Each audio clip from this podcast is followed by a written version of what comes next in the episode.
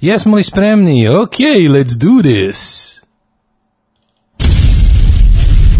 Ovo je špica za emisiju, špica za emisiju, Špica za emisiju, špica za emisiju. špica za emisiju.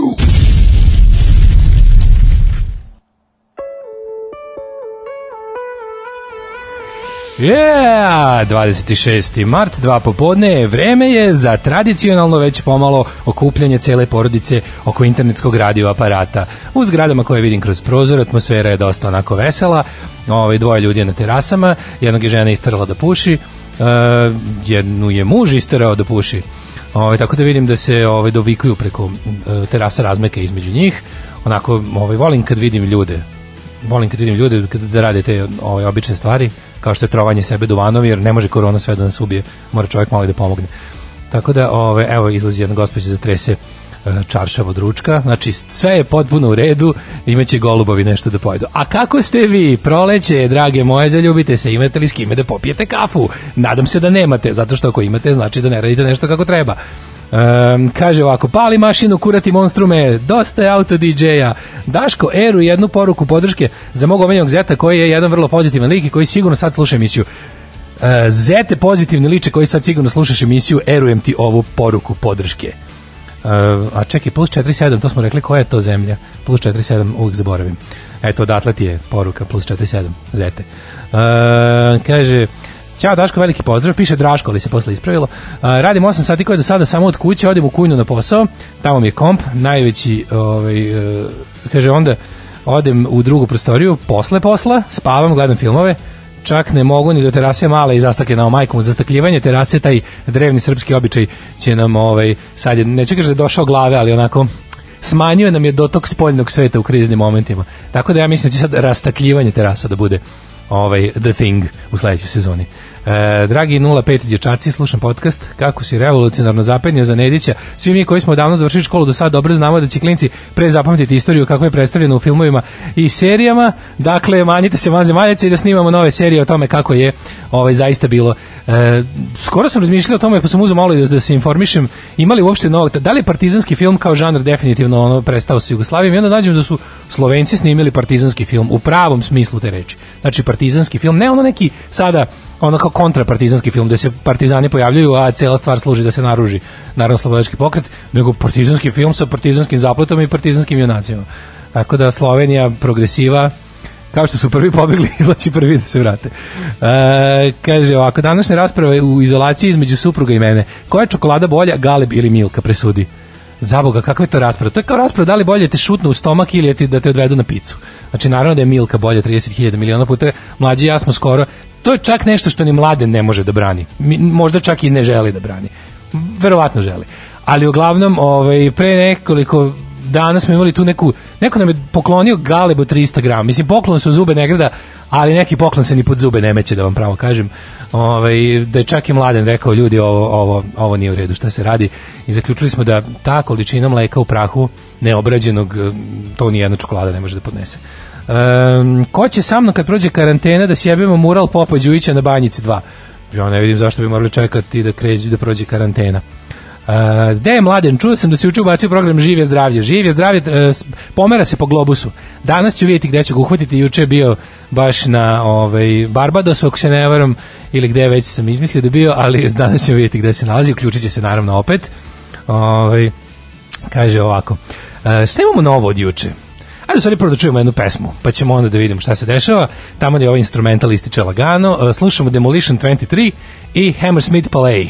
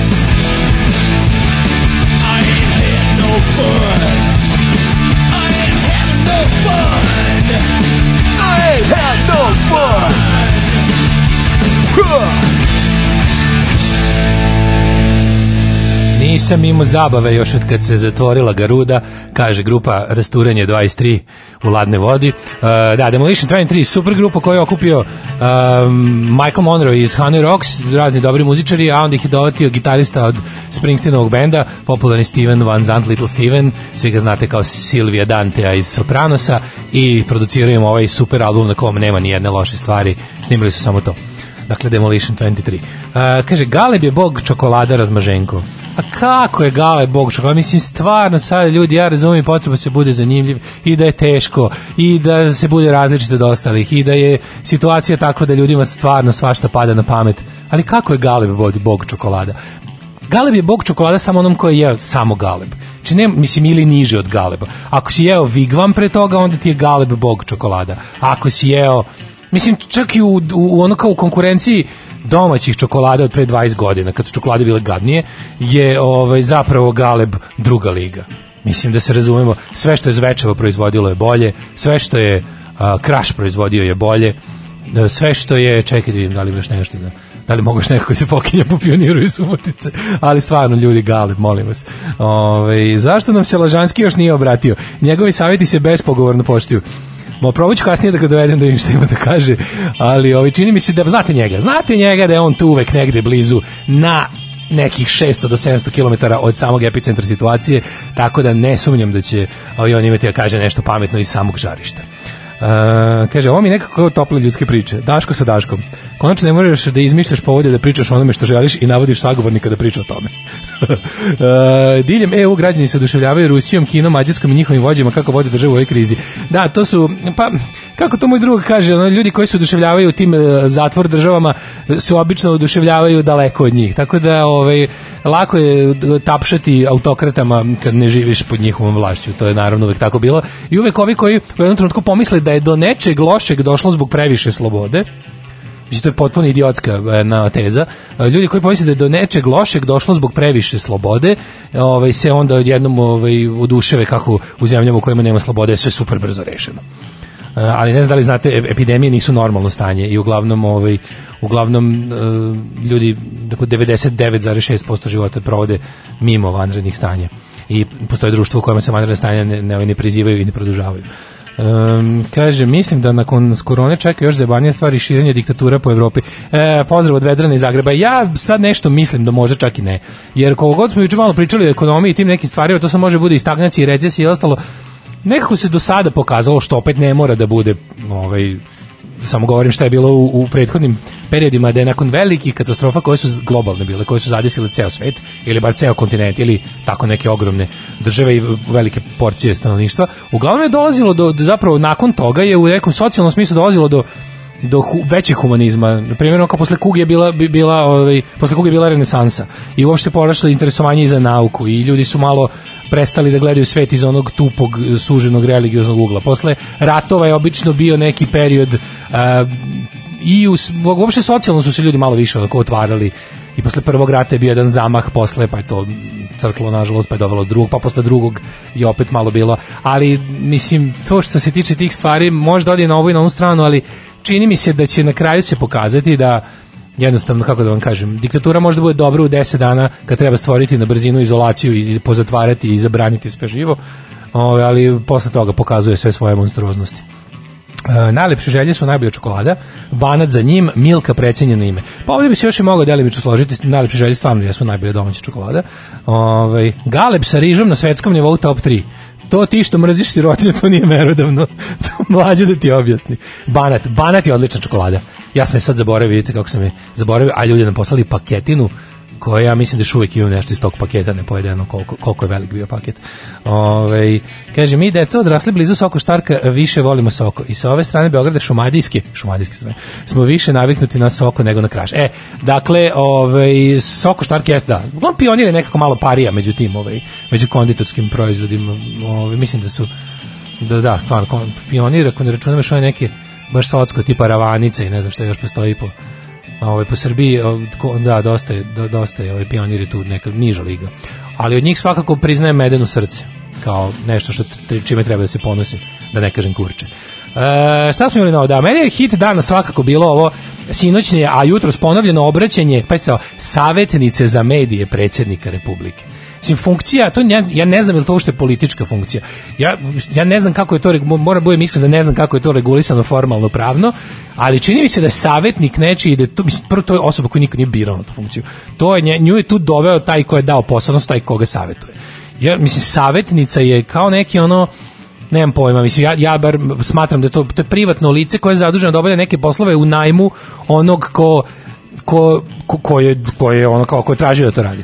Znači, otprilike, verujem da ono sledeće može da se obrati, ne znam, ono, ono vu, čovjek koji Vučiću čisti klimu ili tako, neko, neko ko drugi još radi za Vučića, zato što ga Vučić plaća da mu obavi neki posao, što je potpuno legitimno, ali, ali kao da mi gledamo savjetnicu za medije koja će da nam kaže da će da zatvori Beograd ili ovo ili ono, da nam objašnjava ona šta će biti. Ja razumijem da verovatno i ovaj shvatio da treba manje se pojavljuje, jer stvarno je ono u periodu kada penzioneri ne mogu da dobiju svoj fiks informera već skoro dve nedelje, a ipak je nekako potrebno da penzioneri stalno budu u tom drilu koji im inače informer pruža. Sad kada nema, to je mora da radi lično, ono, jel, što se kaže from the horse's mouth, ali opet s druge strane bilo i kontraproduktivno i onda razumijem da sad kao tu treba i tu plejadu tih okolo njegovih ono likova kojima se okružio svih ovih godina. Pustiti malo da i oni eto kao zarade svoj lebac.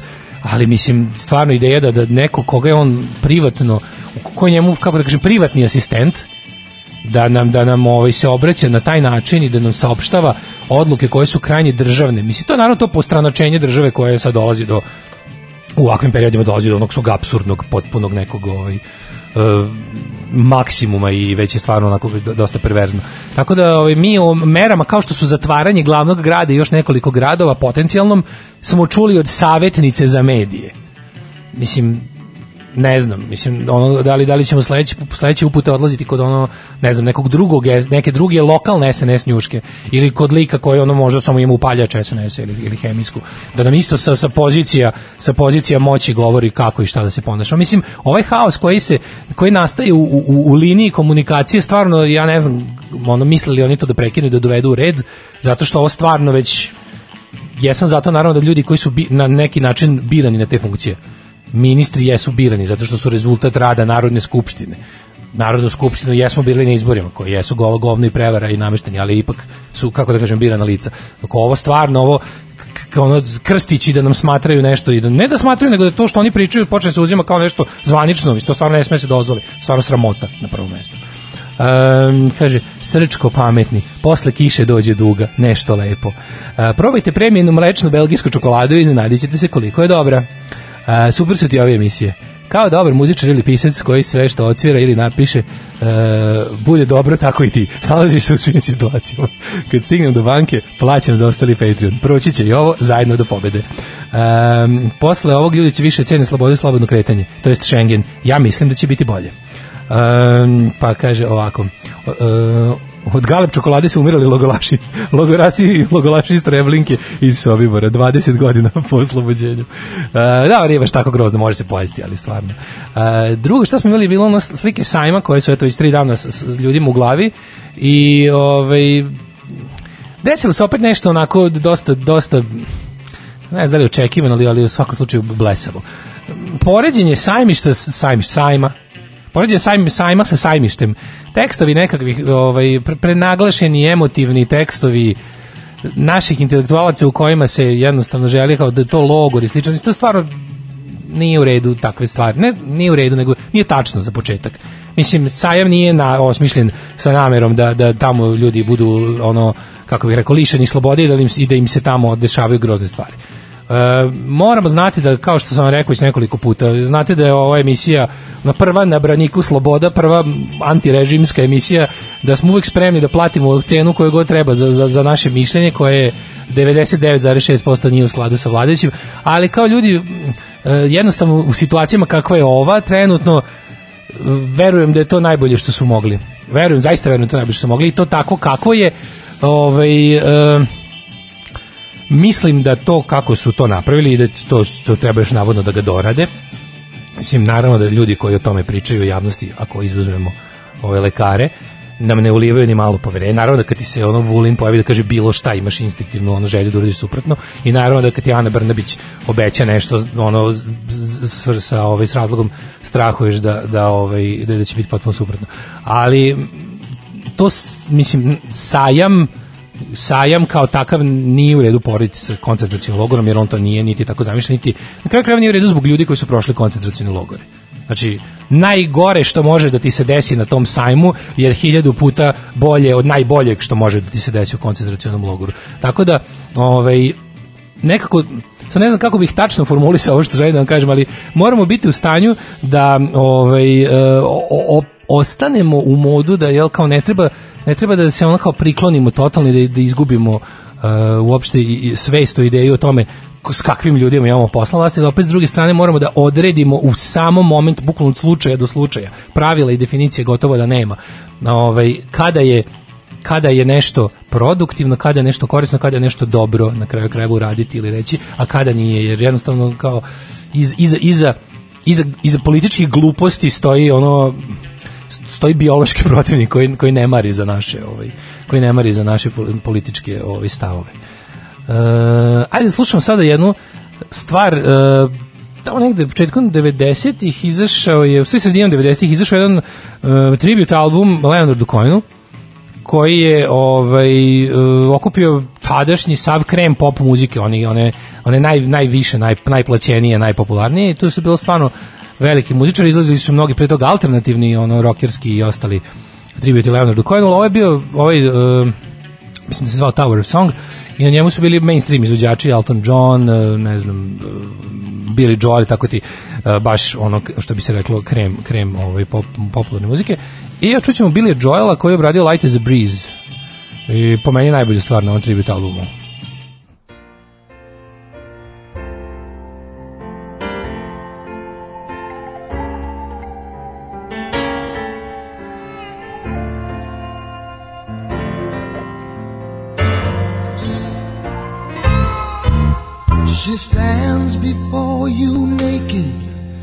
can see it, you can taste it, but she comes to you light as the breeze.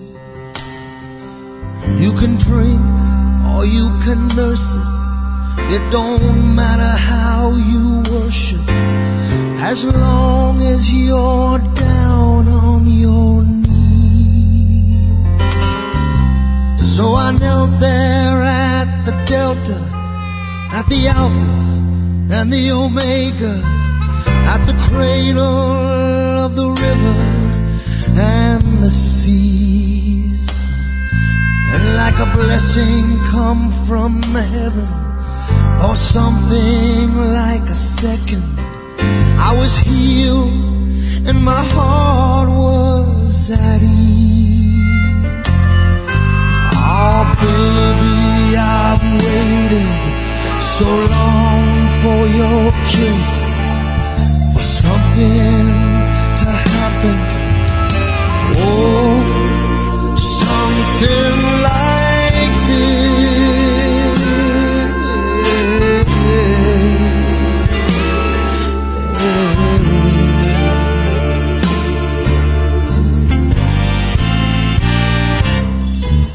And you're weak and you're harmless and you're sleeping in your harness and the wind going wild in the trees.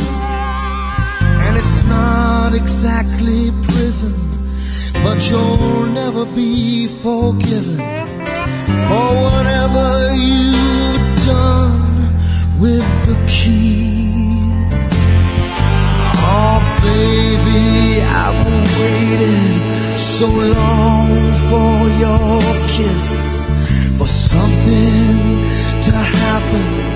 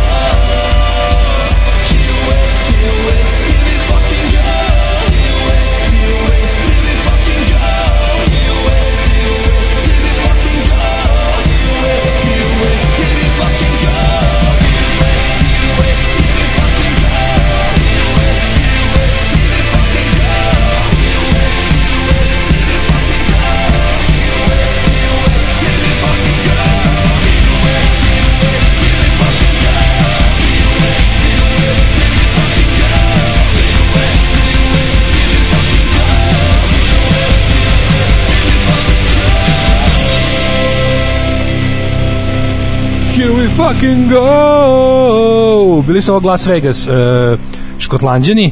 E, ako vam se učinilo da ova prelepa ovaj, indie rock pesmica ima mnogo um, futbolskih momenta, što onako nije baš često, to je zbog toga što je lik koji predvodi ovaj band, James Allen, uh, inače Las Vegas po meni jako dobar band, izdali ovaj jedan fenomenalan album, jedan EP posle toga onako dosta dobar, drugi album malo slabiji, ali u principu onako ovaj, dobro pravo da vam kažem, moguće da su izdavali još, ja sam malo možda prestao da ih pratim, ali ovo što sam čuo, eh, prvi album, debi album grupe Las Vegas je ono, remek delo, baš sam ga izvrtio dok, nije, dok se nije slomila kazeta.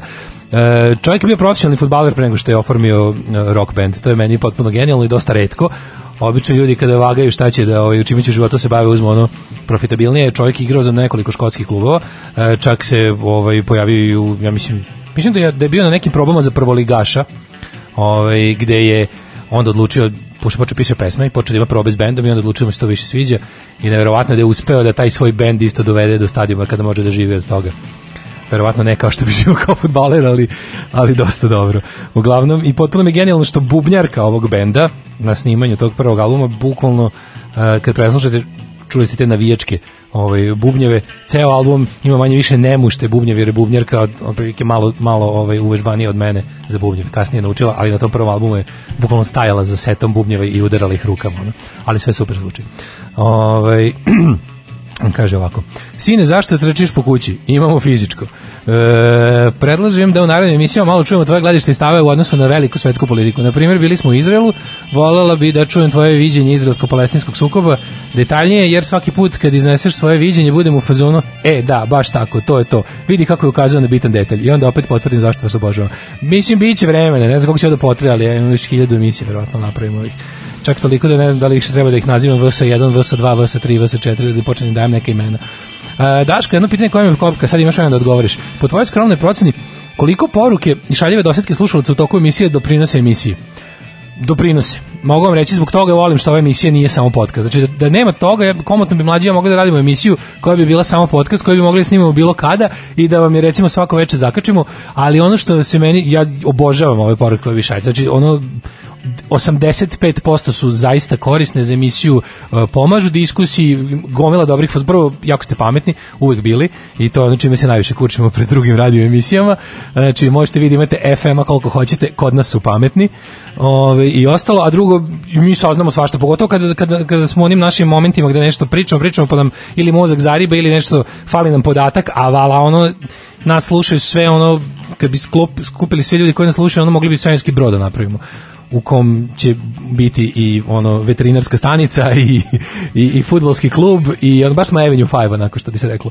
Ovaj tako da da, poruke su super i, i, i mislim kad god recimo sad kad je krenulo ovo kad sam ja uzeo da radim ovo vanredno, pa kad sam video da, da je slušanost ista kao i ovaj kada radimo redovno i kad sam video da mi pišete nesmanjenom o, nesmanjenim intenzitetom, video sam da, da vredi i da treba. Um, pa kaže ovako, meni je Peščanik bio sve i svija, oni su postali Vučić kruga dvojke, ubeđen sam kad se skupe na dva sata da odaju jedni drugima priznanje i dive se intelektualnom. Sat i 50 minuta, ovih 10 minuta dogovaraju šta će dalje, tužan sam iskreno. A ne možeš Peščanik tako posmatrati, Peščanik ima svoje ono momente razne, prvo nije, nije to nikakva ono homogena organizacija, drugo to jeste bio i ostao najbolji sajt za kritičko promišljanje svega, mislim na kraju krajeva on tamo i kad, kada napišu nešto oko čega se ne slažeš ili ukoliko drugi ljudi koji pišu za peščanik se ne slažu, ubrzo sledi ili odgovor ili, de- ili nekakav Mislim, kad godina bilo neka, kad je bila neka kontroverzna tema, nije ostalo samo na jednom, nego se, nego se povela neka diskusija. A Peščanik je bio bolji od ostalih e, mesta na internetu u tom smislu što je uvek e, su cece koje ga vode vodile računa da ta diskusija bude konstruktivna i, i ne samo ono da, da ne samo da nema taj ono e, navijačko e, huškački moment, nego da zaista kao š- na kojoj god strani diskusije bio, na kojem god ono ta dva pola diskusije bio, ćeš ako pročitaš i ono što zastupa strana A i oponentska strana B, ćeš sigurno izaći ono bogatiji za nekakvo znanje iz, iz cele stvari. Tako da a ne bih tako lako otpisao peščanik kada, kada, kada ovaj, se desi da, da, da objavi nekakav tekst koji se ne slažem ili, ili glup tekst ili loš tekst. Mislim, ljudi radi milion godina, objavljuju gomilu tekstova. Prvo, ono, mogu, znam koliko je teško e, tako nešto raditi naterati ljude da pišu. Često iz ono često često bez bez mislim često bez ih honorara često bez i, i, i ovaj jednostavno ljudi koji tamo pišu su uglavnom koliko ja znam ljudi koji mislim veruju to što pišu. Um, sad sam još teo pametan da vam kažem pre nego što čujemo jednu pesmu. Uh, da, pizzerija koja je delila sendviče siromašnima Zatvorili su nas zbog 680 dinara. Pizzerija u Zemunu koja je, done, koja je dnevno delila 50 besplatnih sendviča ugrađenim su ugrađenima, zatvorila da, pre dva dana poreska uprava zbog manjka od 680 dinara, piše list danas. Sad ovo je jedna stvari koje te tako lako bace u oče, tako te lako ispizde da, mislim, stvarno istina, jer su, ovaj, momak kojeg pratim na Twitteru i koji često mogu da pročitam njegove tweetove je, je ovaj, uh, bio pozvao na tako nešto, pa onda posle i napravio izveštaj, pošetao se vjerojatno svojim krajem, pa napravio izveštaj oko, oko toga šta se dešava ovaj, sa tom idejom da se u teškim vremenima pomogne onima koji inače imaju vrlo malo, a kad mi krenemo da imamo malo, oni imaju minus, znači imaju ništa. I onda je bila, bila ta jedna pizzerija koja je lepo na džinovskim slovima na izlog stavila da deli besplatne sendviče 50 dnevno što je sasvim u redu i mislim više nego dovoljno za neke ljude to zaista bio jedini izvor hrane iz 680 dinara ne oprostiti, mislim dolaziš stvarno do zaključka da u ovoj zemlji postoji samo jedan čovek i jedna organizacija koja sme da deli besplatne sendviče, a ako drugi to pokušaju dobit će po ono labrnji.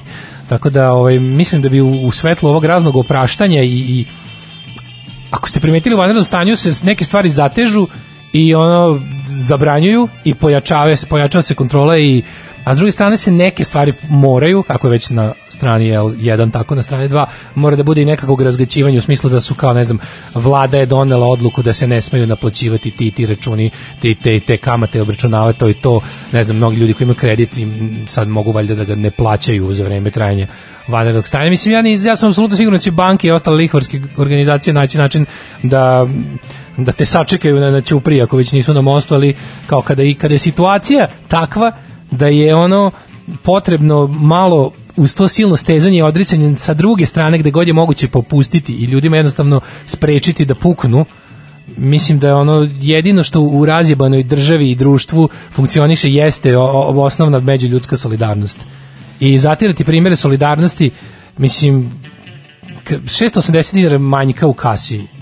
To ne znam, ne znam stvarno ono kao kako, kakav je to ono, ne znam, mislim, ne, ne znam šta bih rekao da, da u, i onako u običnim uslovima i ovim sada proceniti tako da, da, da, ovaj, da toliko, toliko ovaj, Ma, mislim, klati vola za kilo mesa, prilike. Mislim, ako ćeš, ako ćeš vežbati, vežbati strogo, strogoću na ovakvim ljudima, u, i uvek ve, večito stavljati ljude u, u, u dilemu da ono kao, tipa, ako onog nisu uhvatili, a šta je taj radio, što ne bi ja malo, ne znam šta, Ovaj to je jedan rezon, a drugi je da kao ok, sprovodimo striktno zakon, ali ljudi ono kao kao što kao što morate razumeti da ono kao ako ne možeš da izađeš napolje, ne možeš ni da zaradiš novac, ako ne možeš da zaradiš novac, ne možeš da platiš to i to.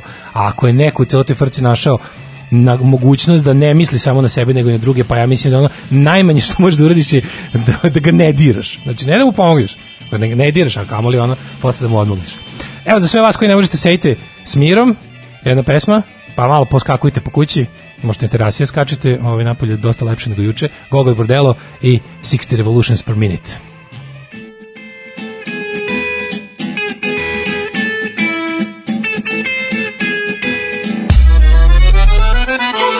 Revolutions per minute.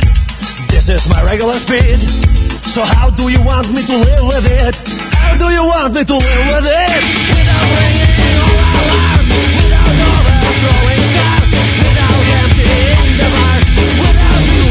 your chars. Sixty revelations per minute. This is my regular need. So how do you want me to live with it? How do you want me to live with it? All without overthrowing cars, without emptying the without doing with your. I'm gathering new generation that's gonna stand up to it. To this karaoke, karaoke dictatorship. Where poses and models with guitars, boogie to the shit for beats. I make a better rock revolution alone with my dick.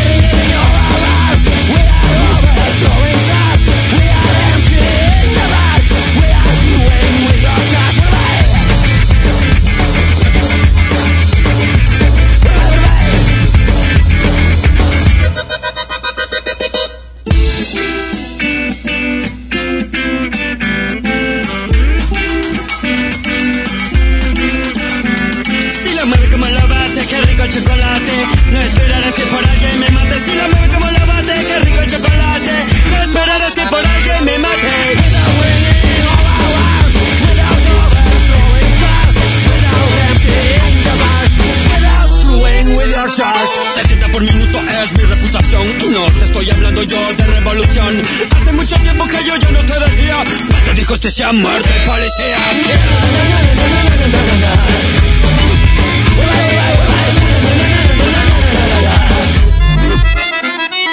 Hasta lo que digan, ya está todo arreglado. Digas lo que digas, ya te mandan deportado. Que tiene impone sobre la ley dispone, mientras el pobre es pobre, pobre, pobre, y otro se la come, come.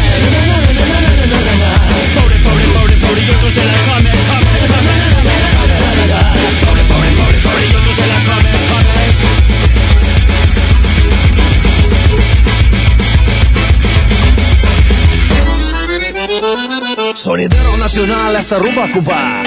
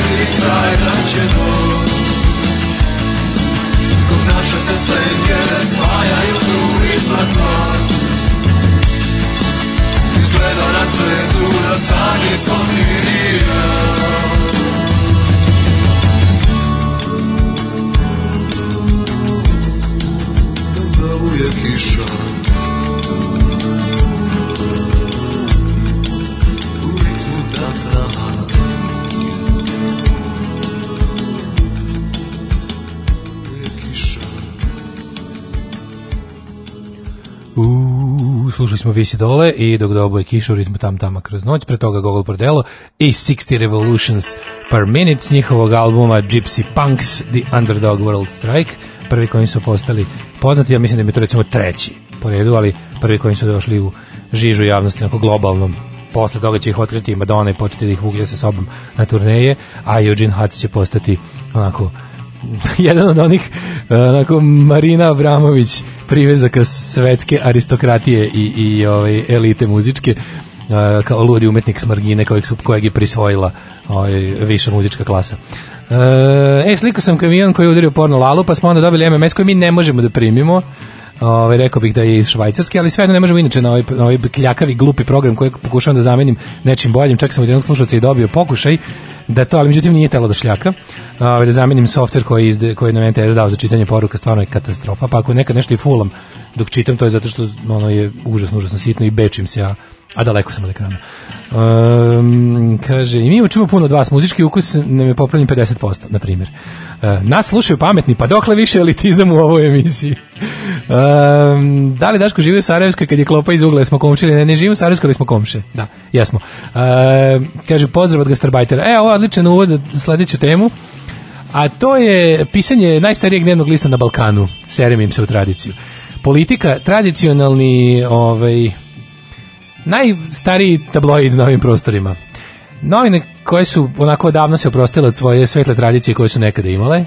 Setimo se, uvijek volim da kažem kako je politika bila jedno progresivno građansko glasilo, e, mainstream pravi u vremenima predratnim u Kraljevini. E, kad je trebalo odlučiti se između zla i dobro, opredelili su se za dobro, to je ta stara politika koju je vodio njen osnivač nisu teli da izlaze, štampariju su im zauzeli ovaj, kvislinzi i okupatori i tamo štampali Nedićevske i ostale novine. Znači jednostavno u tim nekim svojim početnim vremenima kada je bila pod osnivačem je, je bila jednostavno ovaj, kako što bi se reklo, ispravna. Pa je onda i u socijalističkoj Jugoslaviji ne smo zaboraviti da je osnivač bio sa srcem i dušom za, za, za novi poredak, pa je ipak nekako po- uvijek je ostajala je bar ta neka, kako bih rekao, čak i kad je, kad je pisanje medija bilo kontrolisano iz partije je, je bilo ovaj, nekako Znaš, kao postala je borba, recimo, koja je bila jedan kroz jedan prenos direktni iz glave od centralnog komiteta politike, čak tu bila i onako kritičnija i, i,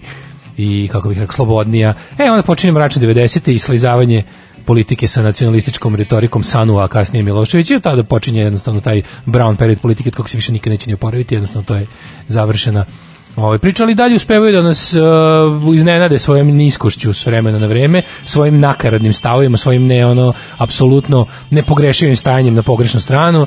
Zadnji tekst koji je izašao juče na naslovnoj strani, to mislite da li to jučerašnji ili današnji broj, vidim da je na, na, na stranici prikazan kao aktualan.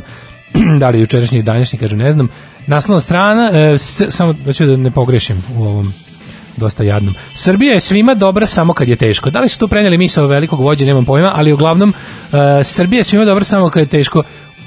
Ovih dana dešava se nešto apsolutno pogrešno, užasno i loše, a to je uh, jednostavno to bacanje krivice na ljude koji su došli iz inostranstva u Srbiju u poslednje vreme. Znači to su to je toliko to je toliko pogrešno, to je toliko loše, to je toliko napoko i toliko toliko je ne znam više koju reč da upotrebim, ali uglavnom to što se radi jako nije dobro. Huškanje ljudi, uopšte bilo kakvo huškanje ljudi u trenucima e, velike krize i okretanje ljudi jedni prema drugih, traženje, traženje bilo koje grupe ljudi po, po, po takvom osnovu e, i predstavljanje njih kao nekakvog razloga za, za pogoršanje situacije je nije tačno pod jedan drugo socijalno je pogrešno treće nije dobro ni za situaciju u kojoj smo se našli. To je apsolutno nakaradna politika a politika je uvek tu da podrži nakaradnu politiku.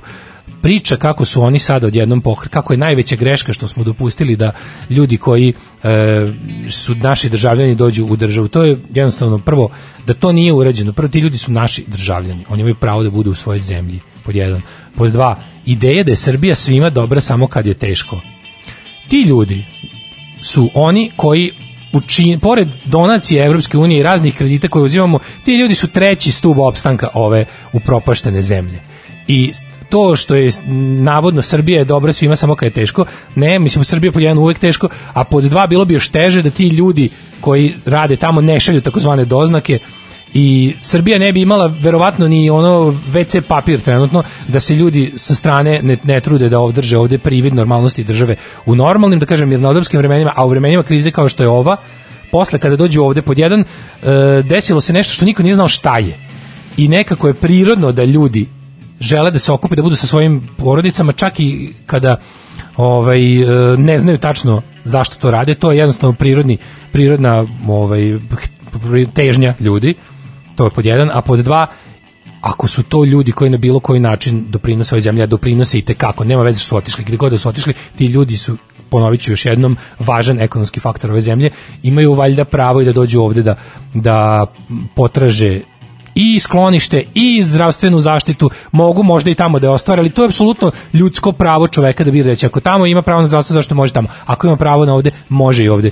Drugo, stvorila se jednostavno klima, to se radi pre toga, se radilo sa, sa mnogim drugim grupama ljudi. Večito se koristi taktika zavodi pa vlade, s tim što ovde nekako dodatno odvratno to što se jedan deo ljudi huška na druge ljude, a to je sad nova. Uvek se nađe neka vrsta podele, to je potpuno neverovatno. Znači uvek se nađe neka vrsta podele. I to je kao neki eksperimenti sociologije, psihologije koji ovde večito traje.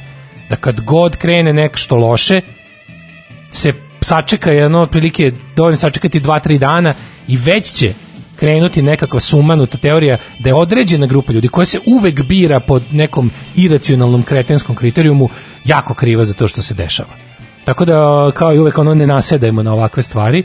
E, uvek se iskoriste najgori primjeri, tipa ono Mile došao iz Düsseldorfa i nije sedeo kod kuće i bio je po, ne znam, po, po, po kafanama. Mislim, to je jednostavno kako da vam kažem, ono to je mile. To je mile, to nije i ljudi su odmah bili ono da spremni da skoče, kažu da, ma takvi su ti gastarbajteri. Prvo ono reći gastarbajter taj, pri- taj, ta reč više je izgubila značenje u smislu da ono kao gastarbajteri, oni kakve smo znali, ti kao priprosti ljudi koji odlaze iz malih sredina tamo da se obogate, pa onda zadrže svoje jelo, ono, priproste navike, a imaju mnogo više para, odnosno na nas ovde, pa se vrate, pa se bahate, ok, naravno, postoji takvi. Ali ono, termin kojim mi sve zajedno njih označavamo više odavno ne stoji, tako da e, Srbija je svima dobra samo kad je teško, je stvarno onako, kako bih rekao, ovaj, sramotan naslov i sramotno je, sra- sramotna kampanja. E, ali znate kako je, govno upravljaju svetom i evo u to ime pesma koja to kaže.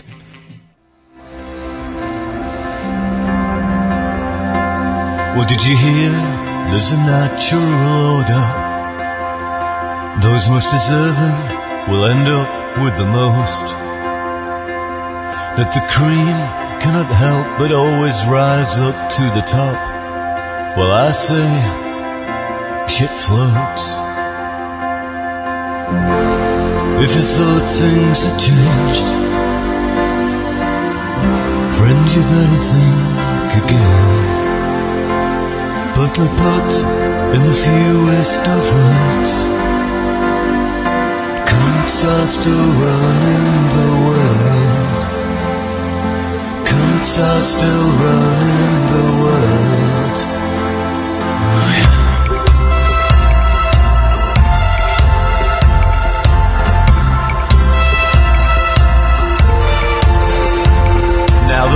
Working classes are obsolete. They are surplus to society's needs. So let them all kill each other and get it made overseas. That's the word, don't you know? From the guys that's running the show. Let's be perfectly clear, boys and girls. Oh, cunts are still running the world. Cunts are still running the world. Oh, yeah. Oh, yeah. We'll feed your children on crayfish and lobster tails. Find a school near the top of the league. In theory, I respect your right to exist. I will kill you if you're moving next to me. It stinks. It sucks. It's anthropologically unjust. Oh, but the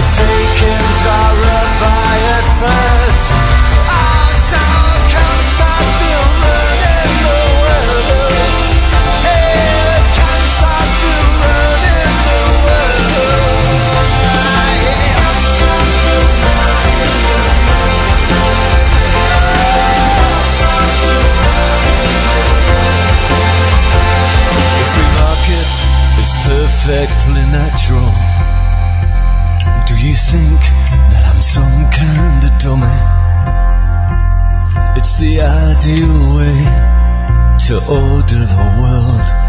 Fuck the morals, does it make any money? And if you don't like it, then leave. Or use your right to protest on the streets. Yeah, use your right, but don't imagine that it's hurt.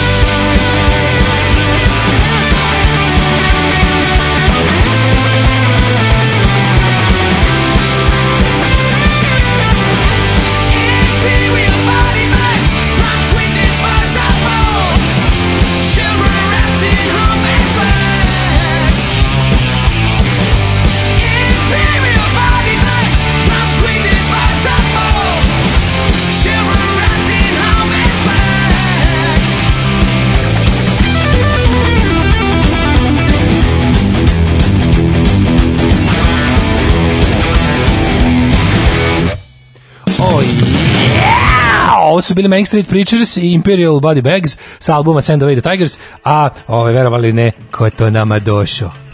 E, meni Fritz pričao, šta ima bre, Desi Milinović, nemate kao penisa na TV 1000. E, ne znaš ti šta se sad sve dešava. Sad je penis svuda, penis je besplatan i lako dostupan. E, čuo sam da u Portlandu ga ima, ovaj, ali ne može da se izbori među sisama. Prvo ti nama kaži na koje, sa koje egzotične lokacije nam se danas javljaš. Javljam se iz uh, toaleta, to je Ok. moja večernja toaleta, dnevna toaleta je u pitanju. E, to je studio Steva Jonesa. Pa, mislim, to je taj moj, kako bih rekao, ovaj, um, kako, je, kako se zvalo ono što je ovaj čuveni producent imao svi... Phil Spector je imao. Phil Vo- Spector, kako se Wall of Shit. E, ja ću sad Wall of Shit da napravim. A Bio ne Wall of Shit. Nego Wall of Shit koji ću da počinim, ali ne, ja dok pričam ne kenjam. Da, Tako to. da možda Ja kenjam dok pričam najviše.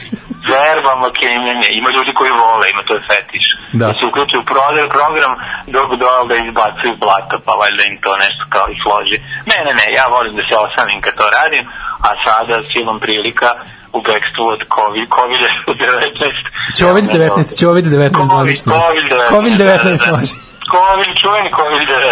Da. to je, pa, da, da. zadesio je čovečanstvo. Ovaj, šta se dešava, Daško? Evo, mo, da ti kažem ovako, da ti podnesem statistiku, ove, druže, da. komandante mladene, evo ako... Ove, tu sam da je slušanje kad mene nema. Nije slušanje, nego slušano isto kao i kad tebe ima, to jest slušano A, svi koji mogu da nas slušaju. Pa to je još veća uvreda. Nije samo da ti... Ti rekao da slušanije.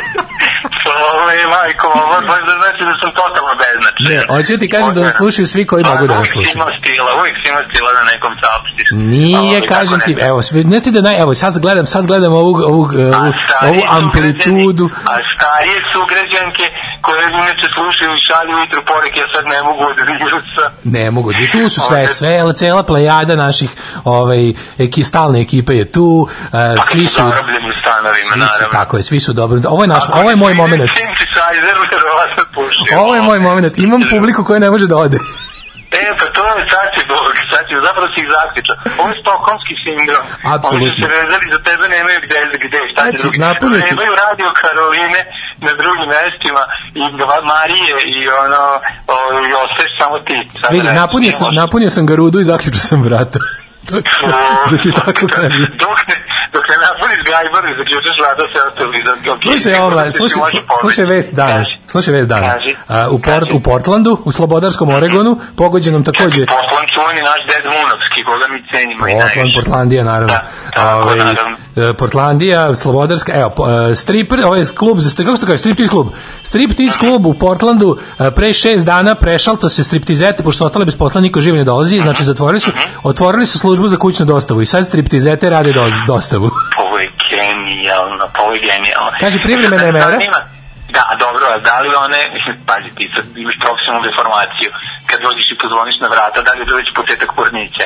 Mislim, došlo striptizeta i pozvonio. Ne, nema, nema, zbog, zbog ćovida ne može ništa, znači samo se, ovaj, Aha. one ti, evo, ako zove se Lucky Devil Lounge na ovaj, Powell Boulevardu čuvenom, znaš, bio si u Portlandu više puta. E, sad, pošto niko više, niko više ne dolazi zato što su... kod crkve, kod trafike. Kod krsta, kod krsta. U centru, da, Kod da, krsta okej. tamo, da je pre bila, da je pre bio spomenik palim borcima, pa se pa više E, nisu to, pali. Sad su sad i Dražević, da, da. Zato. E, ovaj, napravi se, pazi, ali smešno je što se Ne, njihov... sad, to, sad to zove trg srpskih dobrovoljaca. Tako se zove. Ovaj, Da, da, da, da, da, u Oregonu, znam, znam, znam. E, iz Oregona moji znaš ti dobro koji napre pre, Da, pretavali da, su da. se i sada rade zove se Boober Eats odnosno uh, sisat kako bi Boober Eats uh, siso dostava mislim na primjer Siso dostava, da, siso da, da, dostava da, da. hrane ili jed, jed, siso Da, da, jedačnica uglavnom ovaj pogledao sam malo kako bih rekao pogledao sam malo ovaj um, spisak njih, listu njihovih. Pa radi- umetnika Radi li još ona Fatima sa ličnim fonasima? E, radi, je vidi, ima za sve ukuse. Ima apsolutno za sve ukuse. Ima za sve ukuse. Recimo, ako hoćeš kinesku dostavljati uh, Li Peng koja može da ti doda ping pong lopticu, a ruke su zauzete. Može da dobacuje, može ti izbacuje stvari koje si poželeo. Možeš, A da ako- ne dodiruje rukama. Kaže, Pa je pogledajte, kaže, donela sam vam Važno da još se i toplo. Kaže, donela sam vam još i toplo. Ove, Ima svašta, ima se. A evo ima za nas, ima i za nas prostake, ovaj, ima sisatih plavuša, to je. Da, da, i mira kod nas da rade dosta. A to sam ja razmišljao, znaš, to sam ja razmišljao, kako naša, ja naravno ti znaš da ja sve dobre ideje iz sveta, a i ti isto, želiš da odmah primeniš na naše. Pa zašto da ne, zašto da čekamo 50 godina kad možemo odmah da budemo jadni? Ove, Nije problem. Um, Daca i Mira bi mogli da odrade neku varijantu, da ne moraju sad, mislim, pošto kad se petlja prazna, jeste. mogli bi da odrade neku opciju. Šta bi one mogle, recimo pljeske i burek? Pa tako je, da. I da ih dalje greju. E, pa naravno, Da, da. tople. Ne, razmišljam, da, to je da, naše- Da. Kod nas, ja ne znam kako, kod nas ima striptease klubova, to je legalno, ali tako, samo ovo, ovo ne znam kako su naši prošli, šta bi moglo tu, mislim, klop, ja bi, ja bi volao, ja bi volao klopu kod kuće, ono. A Kiss bi mogao ponovo da bude Studio 24 i da pravi rock svirke. Kako se zvali onaj, kako se zvao onaj na podbariću, Dom Perignon. Dom, za Dom Perignon su uvijek bio spreman. Ali Dom Perignon, čoveče, da, ne bi sam, šta tamo mogu da ponesu? Tamo, A ej, vidiš, Dom Perignon ne radi, nisi više Dom Perignon ne radi. Nazoveš da. Dom Perignon, oni su pored kvantaša i kažeš treba vas kvantaša da mi se donese. Da, da ti donese mađarske salame, kobasice, sve što može slanine. Da kaže, do, uopšte, uopšte nije loše. dobar je dan, možete li mi doneti i kucaš, a zamisli da je, pošto na, na porukama nemaš, evo dijete se dere. Evo Dijete me, se da, mora on, on je reče. Nego da sam, nešto drugo da ti kažem. Da sam da pročitam nekoliko aforizama iz svojih, ovaj, svoje knjige, ako je moguće. Može, može, ajde, kako ne, može? naravno, Može? naravno, apsolutno. A, ili da to ostavim za sutra. Ne, ne, ne, za odma. Evo jedan samo kao ti, jedan kao teaser, može? Može teaser, ajde. E, evo teaser. A, nestašica je klasa, građanima nikako da se digne. E, pozdravljamo mladina, ovaj, sutra ćemo se čuti još, ajde mrš zdravo, ćao. Eto, vidite, vidite, eto šta, šta izolacija učini od čoveka. A, pređimo na malo muzike, ovo je, ovo je bolelo.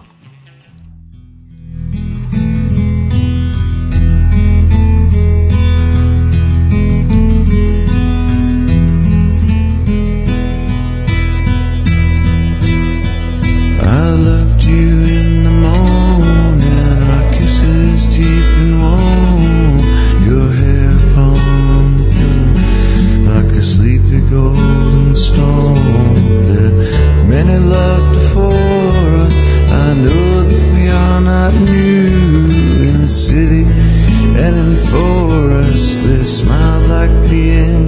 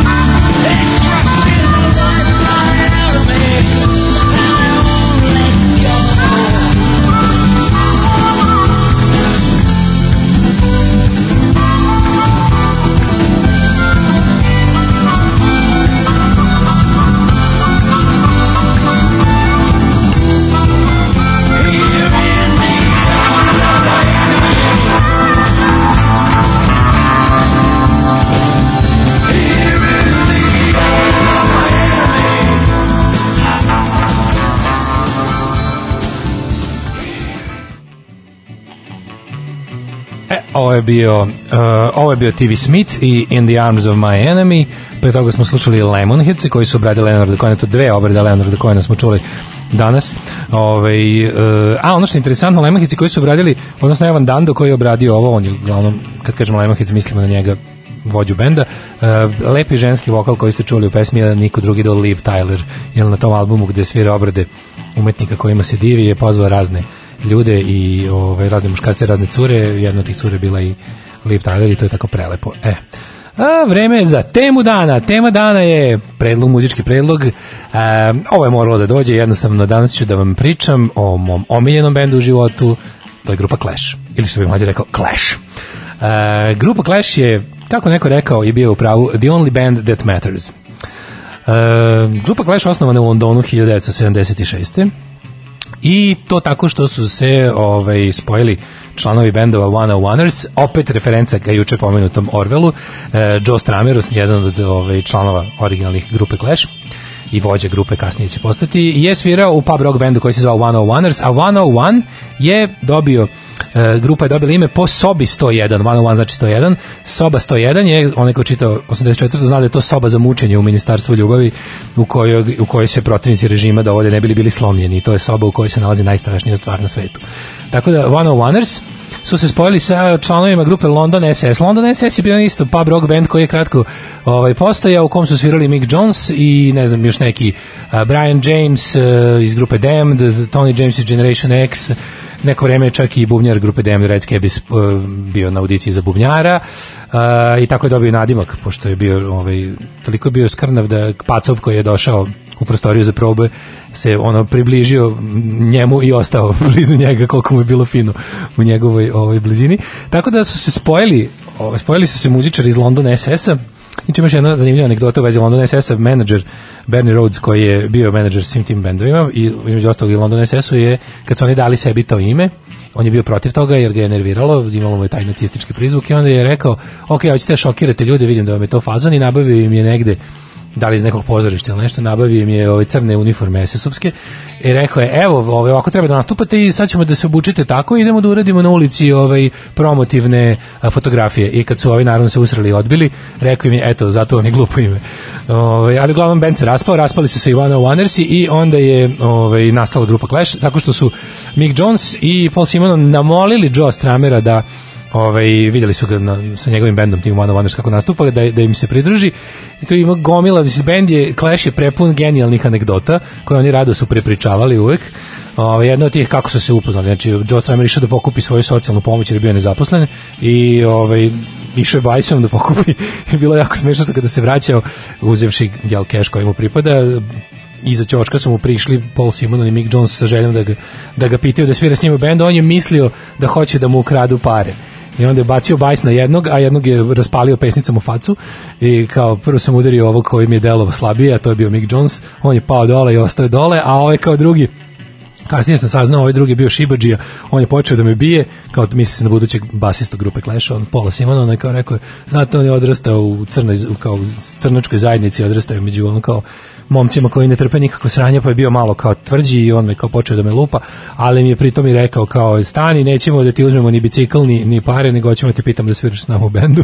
I onda su ovaj, kad su videli kako to Pistolsi rade, oni su teli da i oni imaju svoj punk band. E, fora je bilo što od kad je Stramer došao u bend, on je sa svojim jel, ideološkim ovaj, e, predznakom rekao to se sve mora obojiti u nešto drugo, mi ćemo biti jedan ono, bit ćemo jedna levičarska gerila koja umesto mašinki ima gitare, hoću da nas ljudi vide kao nekakvu otprilike ono grupu revolucionara paravojnu formaciju, hoću da furamo taj imidž, hoću da izgledamo kao ono latinoamerički nekakvi revolucionari i da otprilike iz tih naših gitare ispaljujemo rifove umesto metaka, a da pesme moraju da budu sve naravno buntovnički i pobunjenički i onda sve pesme koje je Mick Jones u želji da bude rock zvezda napravio ovaj, ljubavne je preradio da budu ono angažovani socijalni. Recimo pesma I'm so bored with the USA je počela kao pesma I'm so bored with you gde je Mick Jones teo da napravi neku pesmu o raskidanju sa curom, Joe Stramer je to čuo i rekao dobro je, samo što neće biti I'm so bored with you, nego će biti I'm so bored with USA i uglavnom to što su imali od pesama, ovaj im je prepravio da budu da budu angažovani i, na, i počeo da piše nove sjajne i ubrzo su ovaj, u prvoj postavi koji su činili njih trojica sa ulice ekipa plus bumljar uh, Terry, uh, Terry Chimes uh, snimili prvi album, prvi snimili su sorry, prvi prvo demo, single, to je u vreme kada je punk polako već postajao ovaj izlazio iz tih malih klubova na Kings Roadu i počeo da dolazi do pažnje velike ove muzičke industrije, velike kuće su žele da imaju svoj bend nakon cele frke sa EMI-em i Pistolsima i kada su videli koliko to donosi publicitete i na kraju krajeva i novca i koliko klinci žele da kupuju punk ploče, svaka od izdavačkih kuća velikih se potrudila da nabavi punk band, tako je ponuda od CBS-a, kasnije Sony-a, ovaj stigla do Clash-a i oni su naravno prihvatili, potpisavši jedan vrlo nepovoljan i, i pokvaren ugovor koji se u to vreme njima činio lukrativnim jer su bili bez para i bili su ono goli i bosi, tako da su uh, vrlo brzo snimili svoje singlove i brzo izašli prvi album. Potpisali su odmah lakomislen ugovor otprilike na 10 albuma koje treba da izdaju za 10 godina, mislivši da će trajati večno tad nisu o tome razmišljali i izašao je prvi album koji je o, interesantno da taj album bio snimljen onako dosta za tadašnje standarde ovaj, muzičke industrije koja je imala jako skupe studije, odlične producente, dobre snimatelje i sve se jako puno se polagalo uh, pažnje na to. Je snimljen jedan album koji su oni bukvalno s njihovim drugarem Toncem snimili u jednom onako na studiju koji može da posluži. Međutim, to je bio taj zvuk koji se tražio, to je bio taj zvuk koji je gotovo bilo nemoguće reprodukovati u nekakvom budžetnom studiju, tako da je band tražio da se ono što su oni snimili kao album ne snima ponovo. I pred ovaj publiku je izašao ovaj njihov prvi album Clash Clash bez imena, znači self-titled na kom su ono zaista ono himne generacije pobunjeničke svaka pesma je apsolutno na ono nabijena energijom tekstovi su fenomenalni pevljivi hitovi, himne, e, naravno čućemo najpoznatiju sada stvar, njihovu prvi singl i i ovaj e, stvar koja se nalazi na albumu i na američkoj i na engleskoj verziji, to je White Riot. Uh, Joe Strummer je napisao inspirisan Notting Hill karnevalom, kada je jel jednom prisustvovao. Pošto su svi jako voleli reggae muziku, o tome više u sledećem segmentu, ovaj, dosta se združili sa tom ono afro afro karipskom zajednicom Londona i bilo im je fenomenalno kako ti ljudi kad god im ono jel nešto kad im, kad im dokurče razne stvari, kad im bude dosta i policijskog maltretiranja i, i ne znam, nezaposlenosti i bede i socijala, oni se ne, ne libe da, ovaj, da iskažu tu pobunu na ulicama. I Joe Strano je bio inspirisan time kako eto oni kako su oni ovaj, jel, hrabri i spremni na akciju, a, a nezaposlena isto jednaka jednako ovaj, onako bespravljena i bez budućnosti bela omladina je onako letargična i onda nastao je taj, taj, nastao je taj poziv na pobunu koji se zove White Riot, a čućemo zajedno sa pesmom sa njihovog drugog albuma koji je usledio brzo posle prvog i za kojim je doveden ovaj američki poznati rock producent, znači sve ono što nisu radili na prvom, radili su na drugom, odvedeni su u jako skup studio, doveden je čovjek koji je pre toga radio sa velikim rock bendovima kao što je Blue Oyster Cult, taj Sandy Pearlman, i im je snimio, s njime su radili, on je napravio taj drugi njihov album koji mnogi su smatrali na neki način kao izdajom punk ideala jer je bio tako skup i, i produkcijski dobar, međutim meni je drugi album Clash-a možda čak i najmiljeniji i na njemu se nalazi jedna od najboljih rock and roll pesama svih vremena, Tommy Gunn, koji je Stramer napisao inspirisan eh, terorističkim grupama i akcijama koje su se dešavale u to vreme oko, oko njega po Evropi uglavnom i na Bliskom istoku. Dakle, opevao je sve te ljude kao što su uh, frakcija Crvene armije, Crvene brigade, Palestince, Irsku republikansku armiju, Carlosa i ostalo. Jedna, jedna čudna mešavina divljenja i straha ovaj, prema tim ljudima, tako da idemo prvo White Riot, pa onda Tommy Gunn, Rani Clash.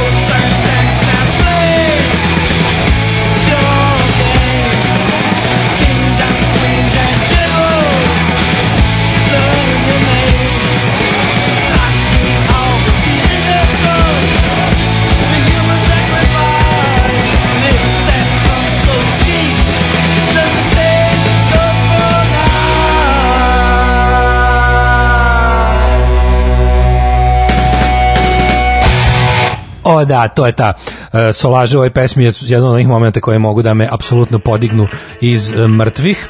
Um, nakon drugog albuma Clash otkrivaju Sjedinje američke države, to je Sjedinje američke države otkrivaju Clash po prvi put.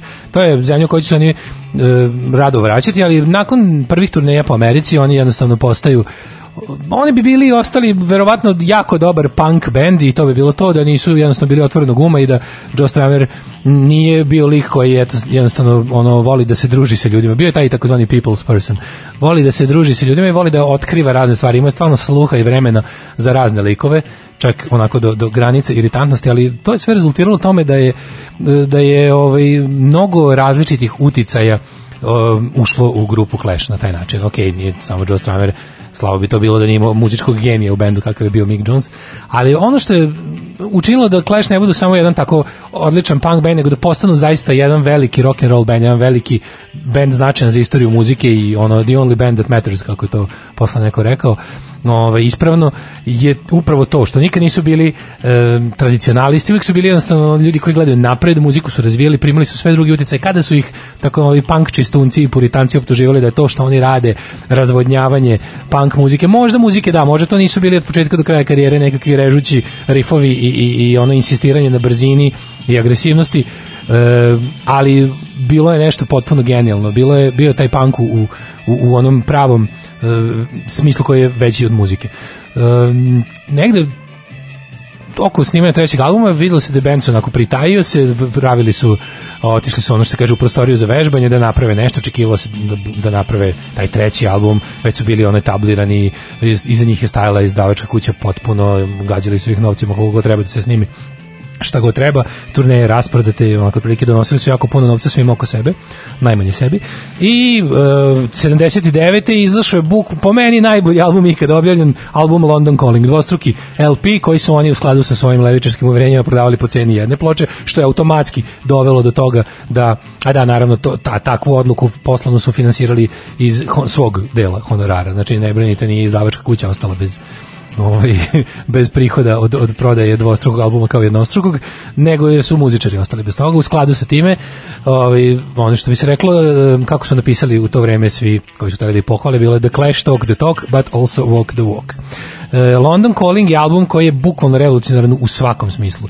Eh, te, to, tih 20 pesama koliko se nalazi na njemu, to je apsolutno ovaj, nešto najbolje što je mogo bio presek, ja mislim, muzike u, tom trenutku na svetu. Clash su uzeli taj svoj tu punk osnovu i na nju nakalimili sve živo što su slušali, pokazali su da punk nije nastao ni iz čega, nego da ima svoju prethodnicu, odali su priznanje i ranom rock'n'rollu i rockabiliju, e, videlo se e, koliko se druže sa ljudima e, koji nisu bele puti, tako da je ogromni e, regije uticaj koji ih prate od početka karijere su ovde došli do izražaja, ska, reggae, karibski ritmovi, razna world muzika, jazz, prvi nekakvi, prva koketiranje sa elektronskom muzikom daleko pre nego što ona postala to što je što je postala. E, Znači London Calling apsolutno jedan ono ogroman, ogroman album koji ni jedna pesma nije loša, što se kaže ono all killer, no filler. E, nakon toga band odlazi opet na još svetskih turneja, e, opet, e, da, zaboravio sam da da su međuvremenu preneli bubnjara nakon prvog, nakon prvog albuma iz benda izašao Terry Chimes, kog su oni na albumu potpisali kao Tory Crimes, što je navodno bio jedan od razloga da se nešto podžapaju. Uh, ovaj, I zamenio ga je Topper Hedon, jedan od najboljih bubnjara ovaj, rock'n'rolla, sa čime se slažu i ostali veliki bubnjari. Uh, I to je bila jedna, onako što se kaže, mašina koja je ono baš mlela dobro. Sve što je snimala, snimala je super, uživo je super nastupala. Jako puno su nastupali i naravno taj ono, band ne postoji dovoljno velik bend da istrpi dva uh, genijalca sa jel uh, kreativna sa kojima sa vremenom i uspehom i slavom naravno raste i ego. Tako da sve više više tenzija bilo u bendu pred snimanjem tog uh, pred snimanjem četvrtog albuma Sandinista koji je onako, kako Joe Stramer kaže, on je izašao kao trostruka ploča, verovali ne, tri LP ploče, koje su se opet prodavale po ceni jedne, što je dodatno finansijski ugrobarilo bend i već napravilo situaciju da on otprilike svi u bendu su ono bili u fazonu, je sviramo stadione, ono imamo sve na svetu, a ne, ne platimo kiriju. E, I dovela do, tenzija na, na relaciji Stramer i Jones, sve više su se svađali, e, turneja koja je izašla posle e, turneja na koji su išli posle albuma je već donela nove, sve, sve manje manje su govorili jedni s drugima, E, album sam po sebi je bio onako Pa, mislim, mi fanovi sa protokom vremena koji smo ga preslušali milion puta, sad u njemu nalazimo možda i više genijalnosti nego što je zaista ima, ali u svakom slučaju to je tek bio bukvalno ono, jedan koktel svega što se moglo čuti kada se vrtela radio skala u tom vremenu ono od početka do, do kraja. To je bio jedan album kome je bilo svega. I, i, i Mick Jones i Stramer su rekli otprilike da nam je neko dok smo snimali rekao ajde sad ubacimo orkestar balalajke. Ja bih rekao donesite najveću balalajku da je nju ubacimo. Bilo je stvarno svega. Album je mogao komotno da bude kraći za jednu do dve ploče i bio bi zaista super. Ovaj, e, nakon njega je izašao i e, još jedan album, to je bio album Combat Rock, to je već bio band u svojoj kasnoj poznoj fazi, potpuno jedan onako veliki stadionski rock and roll band u kom više niko nije bio prijatelj ni sa kim, samo ih je otprilike uh, po, poslovni projekat zvani The Clash držao na okupu. Uh, ali to je dobar album na kom opet muzika odlazi dalje, uh, ide u taj neki zvuk koji će obeležiti 80. Sve što su Clash radili je kasnije postao standard u rock and rollu i sve što su Clash radili je kasnije dodatno i razgranalo taj rock and roll i indie i, i rock i, i punk i gomila stvari je nastalo zapravo iz ono što su Clash radili da bi se svako od muzičara uhvatio za, ne, za po nešto na tim albumima i počeo da pravi bendove po uzoru na recimo jednu stvar sa jednog albuma grupe Clash Uh, band se naravno raspao kada je uh, Joe Stramer izbacio Mika Jonesa što se pokazalo kao kraj benda. Izašao je posle još jedan album koji je sramotno jadan zove se Cut the Crap zove se Cut the Crap i to je nešto što ono niko živi ni ne priznaje za zvaničnu Clash diskografiju iako se je ono prodaje u paketu i box setovima zajedno sa ostalim ali Joe Stramer shvatio koliko je pogrešio i koliko je napravio glupost Ove, ali eto, bilo je kasno. Do kraja života će ostati da žali za time, nikada se više nisu ovaj, sastali, zajedno su odsvirali Mick Jones i Joe Stramer kada su jel, zakopane ratne sekire i kada je vremen dovoljno prošlo još jednom su se našli zajedno na bini odsvirali London's Burning na koncertu koji treba da pomogne vatrogascima londonskim u štrajku i nekoliko meseci nakon toga Joe Stramer umre od srčanog udara. Tako da se to tako završilo. Clash ostaje svakako najveći po meni rock and roll band i moj omiljeni band. Sad ćete čujete moju omiljenu pesmu u životu od mog omiljenog benda u životu, uh, Spanish Bombs sa London Callinga.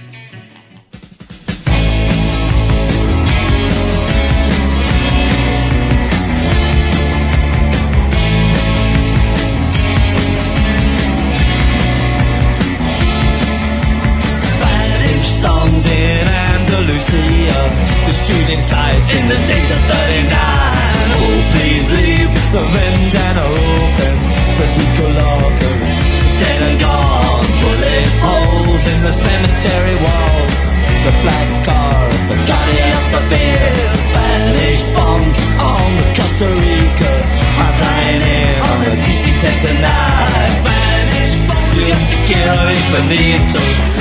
Te oh my corazón. Spanish bombs. Yo te quiero infinito. Te oh my corazón. Spanish weeks in my disco casino. The freedom fighters died up on the hill. They sang the red flag. They wore the black one after they died in Fort Mockingbird Hill. Back from the buses, went up in flashes. Irish too, drenched in blood. Spanish bombs shattered the hotels. And senoritas all dismissed in the bar. Spanish bombs, yo te quiero infinito. Yo te quiero, oh my corazón. Spanish bombs, te quiero, oh my corazón.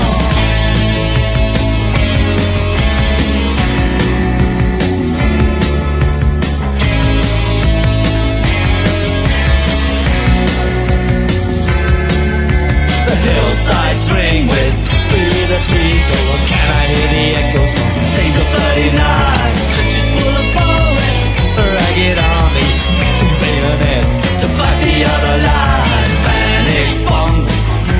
the province I'm hearing music From another time. Spanish bombs Cause the problem I'm flying in on a DC-10 tonight Spanish bombs Yo te quiero infinito Yo te quiero, oh my corazón.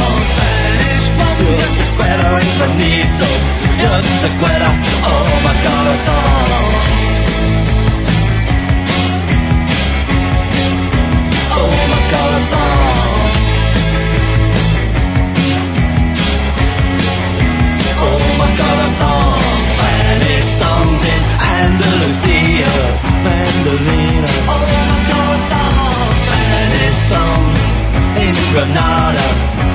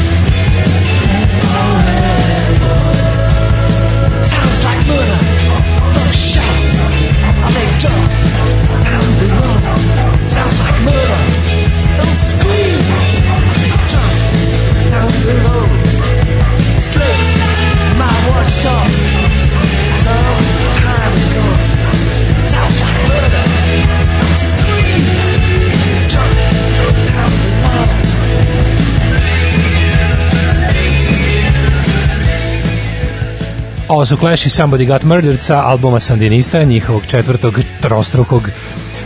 Um, vreme polako da se razdružujemo za danas, čujemo se sutra opet. Uh, vest iz Jet Seta, Đorđe David nabavio koronu. Eh, žao mi, želimo mu da što brže ozdravi da možemo da ga zajebamo u, punom, ovaj, u punoj snazi. Mlađe će sutra još čitati svojih cringe aforizama, ne brinite. Ovaj, e, reklamiram autonomnu pokretnu Discord server e, bit.ly kroz dm sektah. I neko je tražio dokumentarac o Clashu. Dokumentarac o Clashu najbolji je West Way to the World. Slušamo se sutra. Ćao. Ovo je špica za emisiju, špica za emisiju, špica za emisiju, špica za emisiju, špica za emisiju.